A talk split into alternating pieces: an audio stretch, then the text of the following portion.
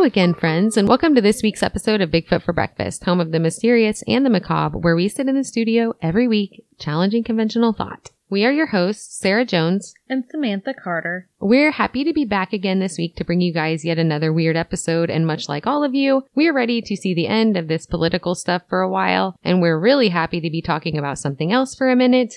Anything else. Literally anything. Even if it is super weird. That's what we specialize in. Yeah, and this week it is pretty weird. We have to remind everyone to please make sure that you subscribe to the show so that you can easily see when we update our episodes every week because we wouldn't want any of you to miss out on this studio gold that we're bringing you. And if you're really feeling generous, please leave us a rating and a review. We really appreciate hearing what you guys have to say, and this helps out our show a whole bunch. Don't forget to tell a friend or anyone who has the ability to hear a podcast, even if they aren't your friend, because word of mouth seems to be one of the best ways to spread the word about a show like ours. So if you think of even one person who might like the show, please let them know about it. Or, you know, just share it on your social media two or three times a day, something like that. If you feel that you would like to contact us for any reason, a show suggestion, a compliment, complaint, or if you want to chime in and share a story with us, we happen to be requesting those right now.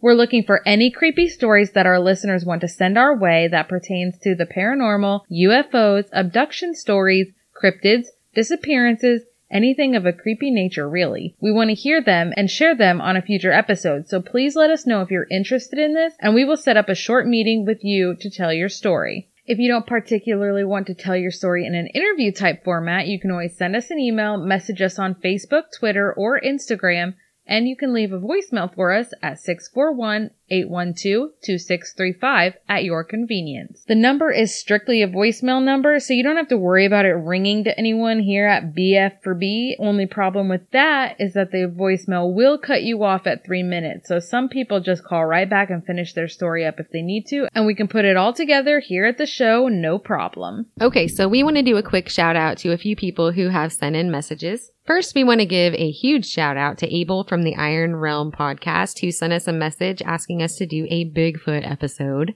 Since we have yet to do one, we actually do have a Bigfoot episode in the works. So Abel, stay tuned. We're going to get that done for you. And thank you so much for your message and for your suggestion. Next up, we want to say hey to Jackie from British Columbia. She sent in a message and it says, quote, I'm from a tiny town in BC and I think your show is awesome. Not only are the topics interesting, but the way you guys deliver the material is original, entertaining, and informative. You make my drive to work actually really fun. I can't wait to listen to the reptilian episode. I've read up so much about that topic. I hope you continue this podcast for a very long time. Have a great day. End quote. So we want to say thank you so much to Jackie for the encouragement and we're so glad that you like the show. We have no plans to stop, so you should have plenty of entertainment coming up from us for quite a while. Next up, we have Helena, who sent us a message through Facebook with a fantastic episode suggestion that we will most definitely be looking into. And I will go ahead and guarantee that there will be an upcoming episode on that. Helena has been listening all the way from Poland, and that is super cool. We really appreciate you letting us know that you like the show, and we always love suggestions. So we appreciate that tremendously. And thank you so much, Helena. Also, we really appreciate that after you send us the really creepy and macabre story suggestion, you sent us a puppy picture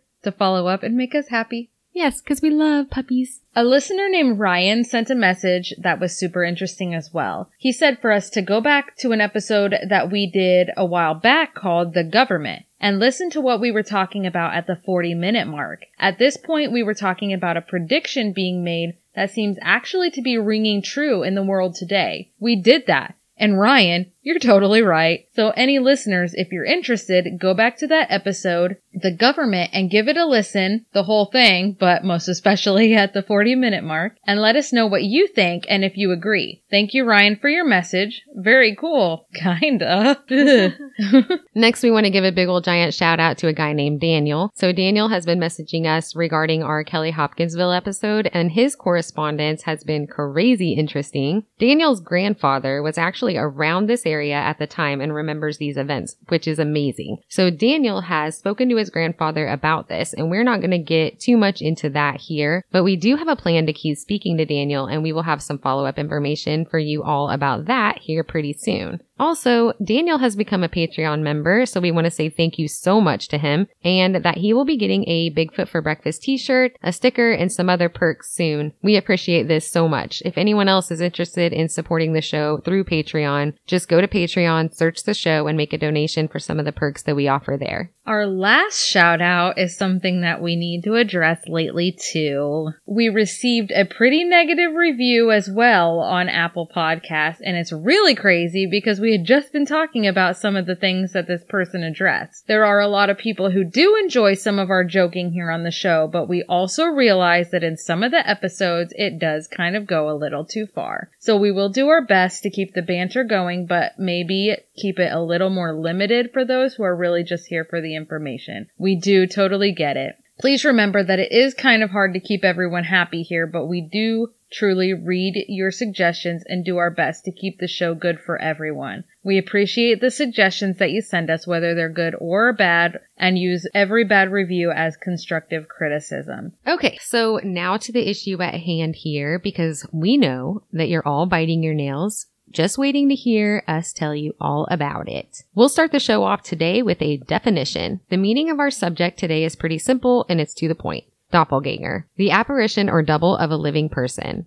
This is from the Oxford Dictionary, and I may be reading too much into this because we tend to do that sometimes here at Bigfoot for Breakfast, but I happen to notice something in this particular definition. The dictionary refers to this as a possible apparition, but then goes on to say, or a double of a living person, not another living person who appears to be a double, but a literal double of a person. Doppelganger is a German word and other terms that are used interchangeably are double goer and double walker. Another definition for doppelganger is, quote, the ghostly counterpart of a living person, which has obvious paranormal implications, which isn't at all surprising since nothing about seeing a direct mirror image of yourself can be considered natural. The idea has always disturbed us, and we were pretty sure that it disturbs most people out there because the portrayal of the doppelganger in writings, movies, and videos throughout the world, its various cultures give the idea of seeing your replica or the replica of another person a very negative connotation.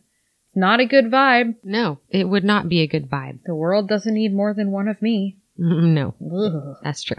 And we'll get into all of that by the end of the episode, but we want to start off with a story from way back in the day because this is absolutely not a new concept. We're going clear back to 1845 France to tell you the story of Miss Emily Saget. This story has been told over and over again since this time, but most of the stories seem to have been sourced from a book that was published in 1860. It was written by a man named Robert Dale Owens, who is an interesting guy all in his own right. The book is called Footfalls on the Boundary of Another World. Supposedly, he heard the story from one of Emily's students. Her name was Julie von Goldenstub. The story is really interesting because unlike many other unbelievable tales, this is an event that didn't seem to have happened just one time. It went on for a period of months, over and over again, and it was witnessed by numerous people. Emily was 32 years old and she was a school teacher at a French private school for girls in Latvia, the name of which we cannot pronounce. Emily's teaching time at the school was really pleasant for everyone in a lot of ways because she was such a likable person and by all accounts, a very, very good teacher. A patient person whose life was turned upside down by one of the weirdest experiences that we've ever heard of. It kind of started out subtly with Emily's students being confused by her sudden appearance in one place when they were sure that she was in another. They were constantly reporting this, but it wasn't really taken too seriously at first, of course. But then one day, while Emily was standing with her back toward her students, she was writing their lesson on the chalkboard. Something absolutely crazy happened. All of a sudden, right next to Emily appeared a second version of her as concrete as the first, and this image of Emily was emulating her exactly. As she wrote on the chalkboard, apparently completely unaware of what her students were seeing, the other Emily wrote as well using the exact same movement at the exact same millisecond as if it were a mirror image, except it wasn't mirrored. The only difference in the two is that the original Emily had a piece of chalk in her hand and she was actually writing on the board like normal. The other merely emulated her gestures.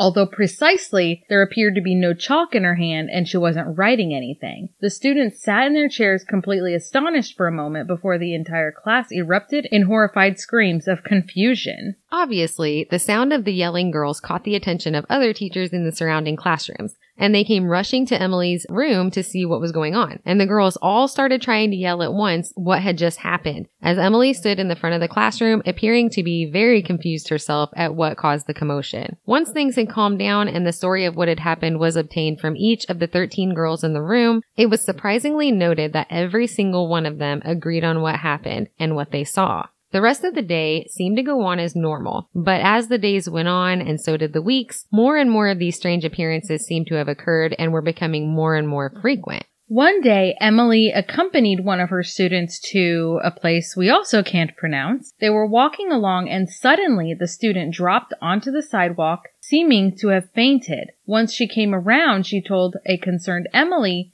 and the others who were tending to her that as she was walking in front of her teacher, she caught a glimpse of her in a window and there were two of her, one walking in front of the other, exactly the same. It scared her so badly that she just passed out from fear. Emily was sitting at her desk and she was eating her lunch along with all of her other students. When the girls looked up and saw that Emily's double had appeared again, and this time was standing behind Emily as she sat in her chair eating her lunch. The figure stood upright behind her, emulating her exact movements as she ate. Emily holding silverware in her hands while the other had nothing. These occurrences within the classroom continued to happen and over time her doppelganger would emulate her movements less and less, seeming to develop its own actions although it never spoke out loud. At one point, Emily got really sick with influenza, and another teacher and a friend of hers was sitting at her bedside visiting her. The other teacher witnessed Emily's body suddenly become very rigid in her bed as though she was having a seizure. Panicked, the teacher started yelling and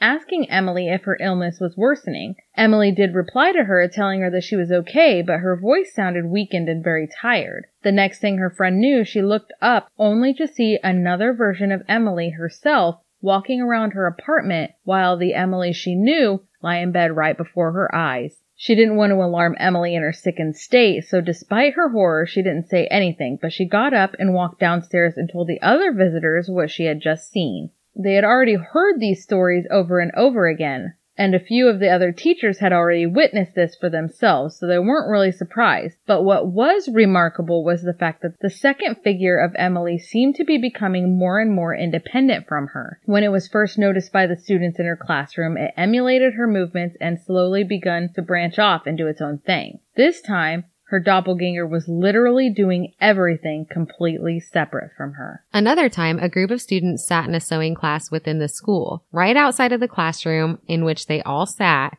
was the school's garden, and there was a big picture window in the room overlooking it. So they could see everything that was going on out there and what the students outside were working on. They could see that Emily and some of the girls were outside doing some garden work. Another teacher sat in the classroom overlooking the work of the girls while they were learning to sew. The teacher stood up and suddenly left the room, needing to quickly attend to something else for the moment. The girls went about their work as they were instructed until the other teacher came back. Only, it wasn't the other teacher who came back into the room. It was Emily Saget. She walked into the room and sat down silently in the chair at the head of the table where the previous teacher had been sitting. Only the real Emily could still be clearly seen going about her business in the garden as she was before. This was the imposter. The students who witnessed this also made note that while Emily's doppelganger had been present in the room with them, the real Emily in the garden appeared to suddenly become ill. She was moving with very obviously slow action, as if she suddenly had become very weak and tired. The second Emily who sat in the chair still resembled Emily in mannerism as she sat there smiling at them. A couple of schoolgirls decided to get crazy and walk up to the doppelganger to touch it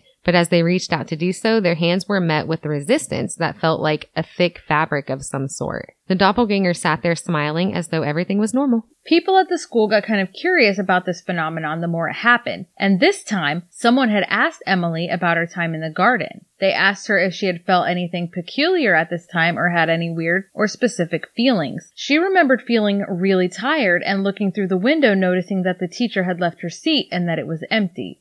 She wished that she could be inside with the girls who were learning how to sew because she felt that the girls wouldn't stay focused on what they were supposed to be learning if they were left unattended like that. That's the only thing she remembered. So it was like the second Emily just appeared to be doing exactly what the original Emily wanted to be doing which is really weird. As time went on and these sightings of Emily's doppelganger occurred more and more frequently, the slow and sluggish illness that seemed to overtake her while it was present got a little worse every time. It seemed that as the doppelganger became more and more independent and active, it would drain her of her life energy, and then as it would fade, the real Emily would appear well again. It was said that Emily never could see her double, while others would claim it would be right there with her. She only even knew it was there by the reactions of other people. She stayed at the school for 18 months before parents started to complain about the fear that the situation was instilling in some of the girls that she taught. As the girls went home to their families for the holidays, many of them didn't come back, and the administration of the school knew that this was because of the odd goings on that surrounded their dear teacher, Emily Saget. Pretty soon, the number of enrolled girls at the boarding school kept going down until they only had 12 students of the 42 that had started the year. The school couldn't afford to lose its students, so sadly, they were forced to ask her to leave.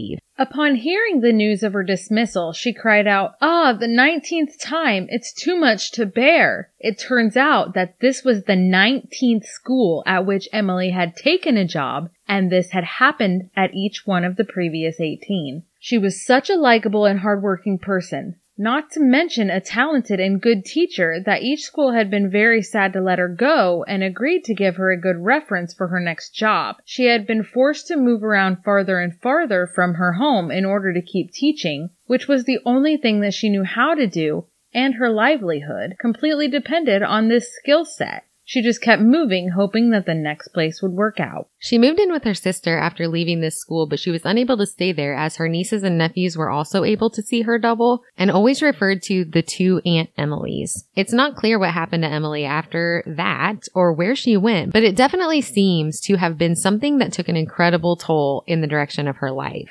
Doppelgangers are a complicated idea, and this is one of the most retold stories when it comes to doppelgangers ever. So we have to get started with the root of it all, of course. What is a doppelganger? We've already discussed them by definition, but there are a lot of theories floating around out there that we think are for sure worth discussing. One theory of the existence of the doppelganger is really similar to the one that we discussed in the episodes that we did last year about shadow people. Some say that this is the shadow self, and that every person and creature has one. This theory states that a person who sees their doppelganger is the only person who can do so. No one else will see it, and this seems to ring false if we're using the Emily Saget story that we just told you. It seemed more in that situation that everyone saw the doppelganger but her, which makes me wonder if there's a lot more to her story than this. Was it something else? Being a woman striving to have a career during this time and the job itself likely being stressful, is it possible that Emily might have just had a high level of stress going on that would have caused the phenomenon? Some people speculate that it was simply mental illness, but her doppelganger was witnessed seemingly by everyone but her, like we said. Was it simply a projection of her doing things that she strongly wanted to be doing at the time? Who knows? There are a lot of these theories out there related to the existence and incidence of sighted doppelgangers. No matter the difference in theories, almost all of them end with a pretty common, very dark idea. If you see your doppelganger, it is a sign of very ominous things to come. Some say death. Some others will say that it could be anything. Something very bad and very life changing is about to happen to you or someone that you love. And this leads us to another well known story. This seems to be a universal idea when it comes to seeing your true double.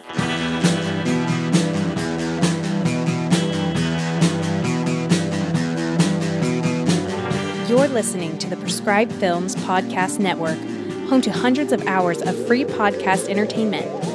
The shows on this network all have a common goal providing you with the best discussions about movies and other forms of entertainment media the PFPN hopes to fill your earholes with audio joy. Visit our website with links to all the other amazing shows at www.thepfpn.com. Thanks for listening.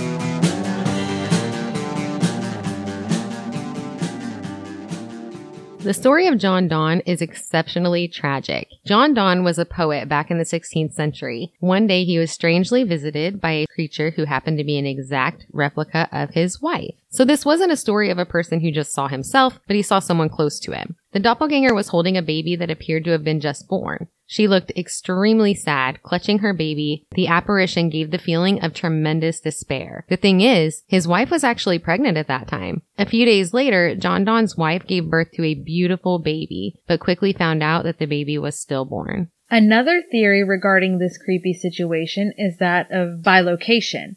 So bilocation is actually a psychic ability, kind of like astral projection, like we talked about in the Project Stargate episode. In this situation, the doppelganger is sent out on purpose, and in this situation, it is referred to as a wraith. It is 100% an exact replica of the person who is sending them out into the world with their psychic mind and is even able to interact with others using the person's exact mannerisms. They are completely indistinguishable from their person. So is it possible that they're using this unintentionally and not knowing that they have this ability? Yeah, kind of. We're getting ready to tell a story. Oh, okay. Similar to that, but yeah, I think so. And speaking of unexplainable doppelganger events in which this theory of bilocation may apply, here's another one that we found to be absolutely insane and super interesting. In 1622, there was a lady named Sister Mary of Jesus in Agreda, Spain, who would often fall into some sort of trance as described by her friends and colleagues. She would go completely catatonic. After she would come out of the episode, she would tell people around her about what she saw during those times. She would talk about having extremely realistic dreams in which she walked through a wild land and encountered other people. She taught them the gospel and gave super detailed descriptions of her surroundings and of these people. She described exactly what they look like, their clothing, their rituals and customs, and tons of other things because in this dream world, she interacted with them very frequently and taught them lots of things, passing on her knowledge of Jesus Christ. She talked about how they spoke a language that was completely foreign to her, and she to them, but somehow everyone was understood and a great deal was learned from one another. Later, it was discovered that by her detailed descriptions of the people in the location, she was describing exactly the Jumano Indians. This is crazy because this group of Indians had only just been discovered in an entirely different part of the world. This was the 1600s, so there was no possible way that she could have even known about them at this point. Yet she described everything completely perfectly. During the time of their discovery in what is now New Mexico, one of the people to initially interact with them described something super weird as well. A man named Father Alonso de Benavides reported that when the Jumano Indians were first discovered, having never ever met a Spaniard and having come from almost total isolation, they appeared to be extremely familiar with Roman Catholic rituals. There was no way that this could be. They were even familiar with Catholic liturgy and were speaking it in their own native tongue. So eventually, after they came to a point in which they could understand one another, the Catholic people asked the Jumano Indians how they knew all of these things, not only knew them, but practiced them with insane familiarity. The natives responded that for years they had been visited by the spirit of a woman in blue. They told Father Benavides that she had spent a great amount of time among their people, teaching them about her religion, and they subsequently adopted her ways and were converted. In 1846, Dostoevsky wrote a fictional story called The Double, in which a clerk's slow descent into madness because he just can't seem to get out of poverty and is experiencing a terrible situation of unrequited love. During his period of mental instability, he sees his doppelganger. The doppelganger was exactly himself, with only one difference. He was great at everything. He was successful, he was driven and positive, everything that his original wasn't. The clerk didn't like the new him being around, obviously. He saw the danger in a brighter, better, more positive physical version of himself occupying his space. Dostoevsky wrote regarding the clerk's feelings of being tossed aside like an old rag. Quote, he would have been a rag and not the clerk. Yes, a nasty, filthy rag. But that rag would not have been a simple rag. It would have been a rag possessed of dignity. It would have been a rag possessed of feelings and sentiments. End quote. Eventually, the doppelganger killed the original clerk and went on living his life as him. I wanted to throw in this fictional account because we see the idea of the doppelganger pop up in various places throughout culture and entertainment, and this idea of possibly being replaced in your life seems to be the prominent idea of fear. Is this the common fear when people think of seeing a doppelganger of themselves? I know that would be mine. If I saw that, I think my first question would be why? Why are they here? Obviously, it can't be a good thing. They are either here as a sign of really bad things to come or I'm out and they're in. I know it would make me feel incredibly uneasy in a totally unnatural situation like this. Even one of our great United States presidents had an experience in which his doppelganger appeared to him. President Abraham Lincoln was just elected to office. Later that night, he went home, tired from the excitement of the day. He looked in the mirror only to see two of himself staring directly back at him. The quote recorded from Abe Lincoln himself regarding this incident is this quote, Looking in that glass, I saw myself reflected nearly at full length, but my face, I noticed, had two separate and distinct images this tip of the nose of one being around three inches from the tip of the other. It was a little bothered, but the illusion vanished. On lying down again, I saw it a second time, plainer, if possible, than before. And then I noticed that one of the faces was a little paler, say five shades than the other. End quote. This quote comes from a book called Washington in Lincoln's Time by Noah Brooke. Lincoln told his wife about what happened and she was incredibly bothered by this. She immediately took it as a bad sign and it is said that her interpretation of what her husband saw was that of tragedy. She took his double reflection to mean that Lincoln would serve two terms as president of the United States. So far, this is great news, but the fact that his second image was gaunt, pale, and sick looking led his wife to think that sometime in his second term, Honest Abe would die. This, of course, is a prediction that turned out to be correct, as we all know. I was trying to tell him to not try to end the Fed. Yeah. Don't do it. Even Catherine the Great had an experience with a doppelganger. One morning while she slept in her bed, all of her servants came running into the room, frantically yelling. Come to find out, they had just seen her, plain as day, sitting in the throne room, but they all knew full well that she was in her room asleep. They quickly told Catherine about it, and she hurriedly dressed to go out into the throne room and see this for herself. She probably expected whatever it was to be gone by the time she got there, but lo and behold, she reached the throne room and there it was. Her exact double sitting there in her throne. Immediately, Catherine ordered the workers of the house to shoot the intruder and walked out of the room. There isn't many details from there as to what happened to the doppelganger, but it wasn't even a week later that Catherine the Great passed away from a stroke. Another theory is that the doppelganger comes in peace, which is something that I would never likely feel if I saw my own, but we'll entertain it. It is thought that it comes to its original person as a guide to provide needed advice in a time of need or stress. Others say that they come during these times in order to disguise themselves as being helpful, but they are really just an evil entity that is there to plant seeds in the person's mind in order to confuse them or make them feel crazy. In the incident of Guy de Maupassant, a Frenchman writer used to talk about seeing his doppelganger all the time. He would hang out with him, interact with him, bounce ideas off of him, and all those things. Maupassant wrote a story called The Horla. He had claimed that his doppelganger one day sat down at his desk and began telling a story. So Maupassant wrote it down. The doppelganger dictated the story out loud and it was eventually published. The story was about a man who was haunted by an evil spirit who was intentionally deteriorating his mental health. Coincidentally,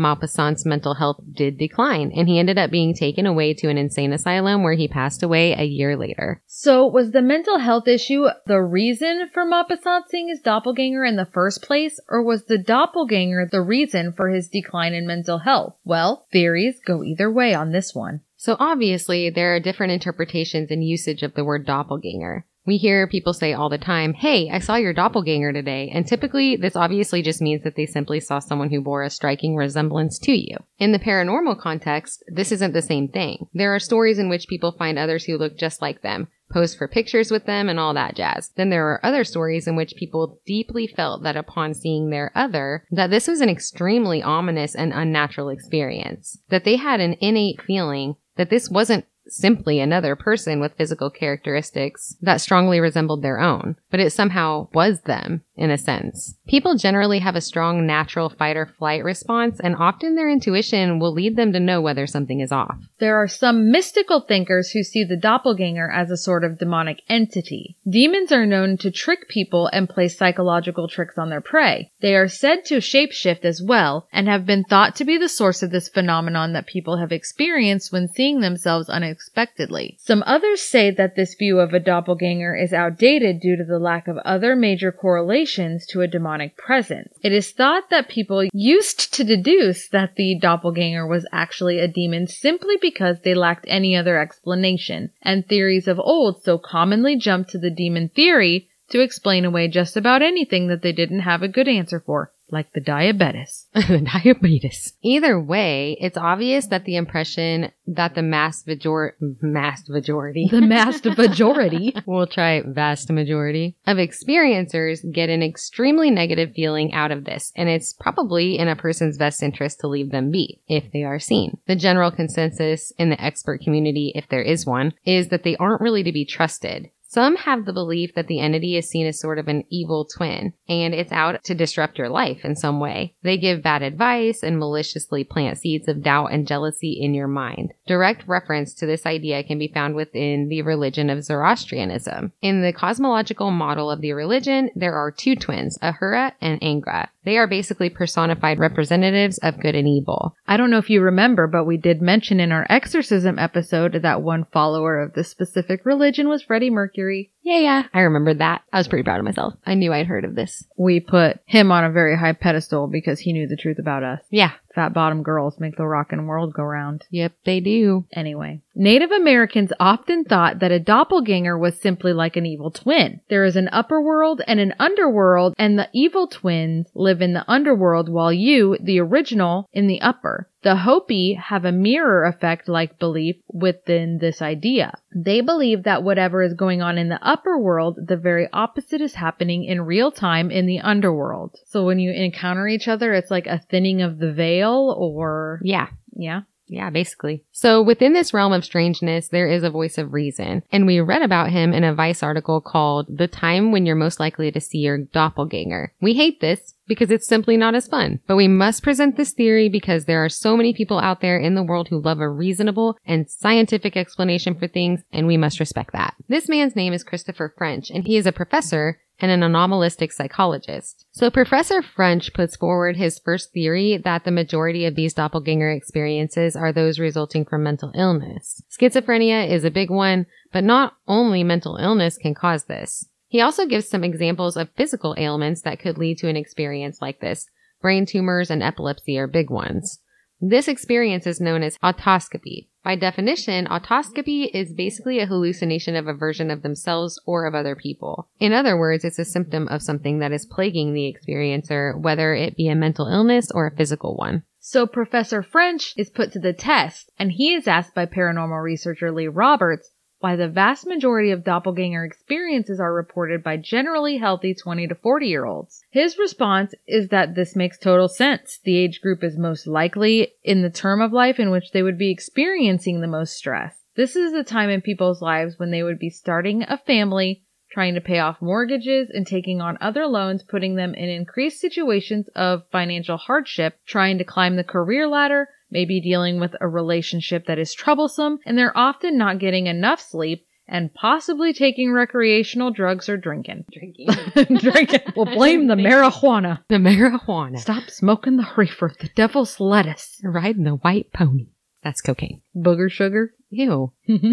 I never have heard that. That's gross. And this is totally true. We're all doing cocaine at this age.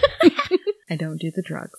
This is also the time in which symptoms of schizophrenia would be starting to present itself in a person if they had it. These burdens and stress on the mind often take a huge toll on people. There is no reason to believe that some symptoms of extreme stress wouldn't manifest in some unusual ways. While this seems to us like an extremely sound theory, it doesn't exactly explain the whole host of people without ailment who experienced this creepy occurrence. So what about the story of Emily Sagée that we told you earlier in which she wasn't even the one that saw her own double? Instead, 42 female students saw it as well as a few other educators. And not just once, several times over the course of months. Professor French actually addresses this, and in this Vice article, he states that this is a prime example of something called memory conformity. This is basically the idea that one person thinks that they see something weird and they talk about it a whole bunch and talk about it so emphatically that other people start to believe that they saw it too. They take on the other person's memory as one of their own. He states that either memory conformity is the answer or that it was simply an elaborate prank pulled off by the students. They'll call it hysteria and blame it on our wandering uteruses,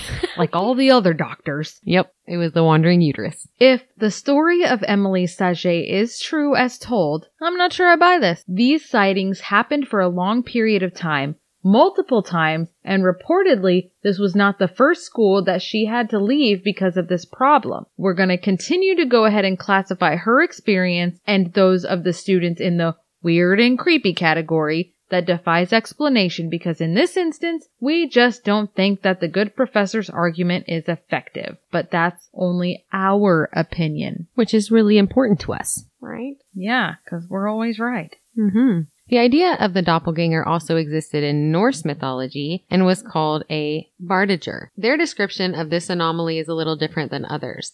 They believe that these entities are actually your ghost as it existed before you.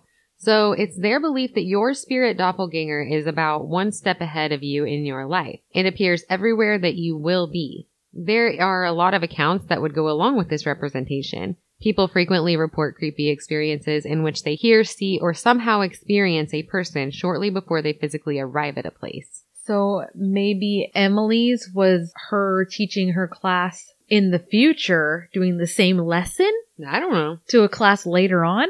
The fact that they talked about it emulating her exact movements. I don't know. But if you were teaching that exact lesson, you'd write the exact same thing. Yeah, maybe that's what it is. Maybe that's, I don't know. Maybe it fits. It kind of fits. It could. The ancient Egyptians also had their ideas and thoughts about doppelgangers. I still find it so incredibly interesting that so many cultures that had no communication with each other whatsoever from completely opposite ends of the globe all had theories on the same phenomenon. And, you know, this is dating back. I mean, our story, our earliest story was 1600s. So it's not like this is a new concept. Peeps.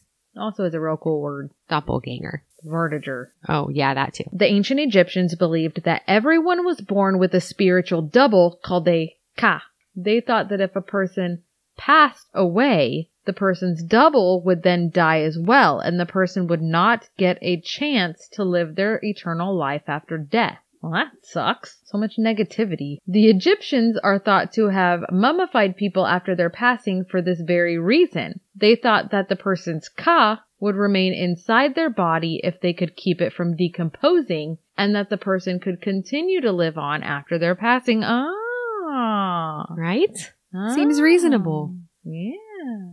A man named Brian Greene, a physicist from Columbia University, wrote a book called The Hidden Reality, Parallel Universe, and the Deep Laws of the Cosmos. He had a theory that the doppelgangers that we see are simply those who have come through the alternate universe that we are all living in. Everything going on in the world is being replicated in a dimension parallel to ours, and these entities that are essentially us bleed through once in a while and we see them by accident. Ugh, I got shivers when you said that because speaking of us, I guess since we're talking about doppelgangers, if you haven't seen the newish Jordan Peele movie called Us and you enjoy watching things that are absolutely horrifying, as we pointed out earlier, you definitely should watch it. It really makes a person think and is presented fantastically in true Jordan Peele fashion. In a Bustle article, a doctor named Pamela Rutledge analyzed this portrayal of the other self and said that the replication of the self innately, quote, undermines our sense of reality and who we are. This creates a disconnect about control. Are we controlling our actions and intentions, or what does that mean about the other? End quote. She goes on to talk about this portrayal of the doppelganger, and I think she hit the nail on the head as far as why this movie was so scary. Because he climbed up the tree with all fours. That's why. No, anyway. Yeah. Sam was sitting on the couch when the little creature just scurried up the tree real quick out of nowhere, and there were so many expletives that came out of Sam's mouth. it was hilarious while we watched the movie with our young children. They're not that young. She said that the idea of the doppelganger as portrayed in the movie Us is that the tethered are partially in control of the surface dwellers' actions and vice versa. Do you say vice versa or do you say vice versa? I say vice versa because I feel like vice versa just sounds dumb. I hear a lot of people say it and it drives me nuts. Is it Yeah. wrong or is it right? Who's right? Who's wrong? We're right. They're wrong. Okay. The similarity of a doppelganger means we feel especially vulnerable since if they are like us, then they know our patterns and weaknesses, giving them the advantage. The Irish often refer to the doppelganger as the fetch. Stop trying to make fetch Dang happen. it, that was my line. I was going to say it after you were done reading the whole thing. This was a replica of a living person who cast no shadow, which is gross. and it's not going to happen.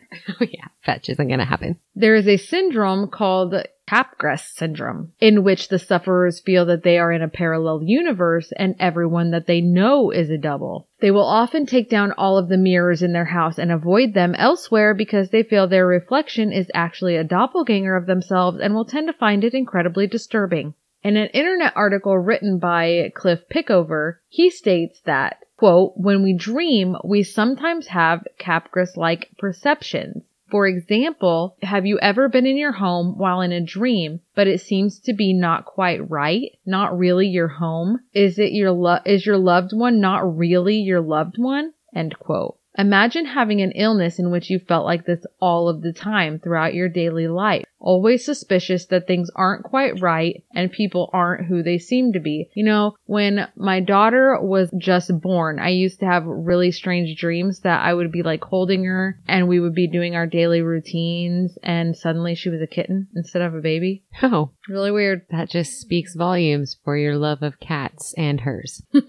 Weird. So we've gone into a few stories of the doppelganger incidents that have become popular over the years and that have been retold time and time again because they are, well, unbelievable. But we had to take to the ranker list to find a few stories that were submitted there by regular everyday folks who have experienced this level of weird in their lives. This one comes from a Redditor and we don't really like to share usernames because, well, it's not our article and they didn't give us permission to use their name, real name or Reddit username. So we'll just tell the creepy story and leave it at that. When I was nine, I stayed home sick from school. You gonna do that the whole time? I distinctly remember that I wasn't actually sick, simply playing hooky to avoid mean kids, as I did that a lot around that age. I woke up from a nap, turned on the TV in our living room, and scrolled through some channels when my, quote, mother suddenly leaned over the bar and stared at me without saying anything. I had been awake for a few moments at this point, so I can't rightly blame sleep paralysis for all of this. Now, whatever this thing was, it was entirely identical to my actual mother. It sounds weird to describe, but it's as if the only difference was that this thing pretending to be my mom had never felt a single emotion in its life. It was unsettling. It beckoned me, and I attempted to talk to her as I would my mother. She kept beckoning, refused to answer, and that's when I sensed something horribly wrong. The whole scenario felt disgustingly familiar, but I'll get into that later. Naturally, I started screaming at this thing to answer me. It just kept beckoning. I bolted, running out of the room and into the yard yelling for help. My mother, the real one, had been working in the yard and came rushing over. I told her what I'd just seen, and she soothed me with easy explanations that it must have been a fever dream, but thankfully stayed by my side the rest of the afternoon as I was a nervous wreck. Believe me, in our quest for information regarding the doppelganger, we read through tons of these stories from regular people who submitted to various websites and forums, and although the experiences differ in a lot of ways, there are some striking similarities in the majority of these stories. The overwhelmingly common theme is that many report the strange doppelganger didn't talk. Some were simply seen walking from one room to the other. Other doppelgangers approached people and only stared at them in a disconcerting and awkward manner, and still others would beckon to the people who saw them as though trying to get their attention. The idea of seeing our exact self really messes, we think, with our innate sense of identity, and identity is really important to a human. It makes us feel in danger when we don't have it. There really doesn't seem to be a one size fits all answer for this phenomenon. Many of the theories that we've rattled off in this episode really do seem like a great explanation, but don't really fit in with all of the experiences. There's a large group of people who seem to simply see this as a type of glitch in the matrix situation or a time slip type of event. And in my opinion, this seems to be the most reasonable with the vast majority of the experiences that we read. But then there is the case of Emily Sagée and other situations in which the acknowledgement of a doppelganger seemed to bring about or seemed to be foreshadowing of horrible events to come or even death for the person being replicated. Why does the sighting of a true doppelganger seem to frighten us much more than it fascinates us? Is it really the idea of being replaced by someone so incredibly similar to yourself in not only physical characteristics characteristics, but in exactly replicated mannerisms? Where do they come from? Is it really a parallel universe and they're just bleeding through here and there by accident? Do they know about us or are they just as surprised as we are when a rare crossover occurs? These are some things we may never know, but we will keep our eye out for new information and more creepy instances in which doppelgangers are involved. But unfortunately for now, this is where we must end our episode for the week. Parting is such sweet sorrow. We have been very happy to be here once again, bringing in another creepy topic as Halloween creeps up on us. If you haven't already, please don't forget to subscribe to the show and leave us a rating and a review because this really helps us out and we really appreciate them. Do you have a creepy doppelganger story to share with the class? If so, leave us a voicemail and tell us all about it. You can do this at 641-812-2635. And we don't only want to hear about doppelgangers. If you have any type of really weird, unexplained, or creepy story, go ahead and call it in. We want to hear about all of it. Paranormal experiences, UFOs, aliens, missing people, conspiracy, anything. We love to hear from you. Until next week.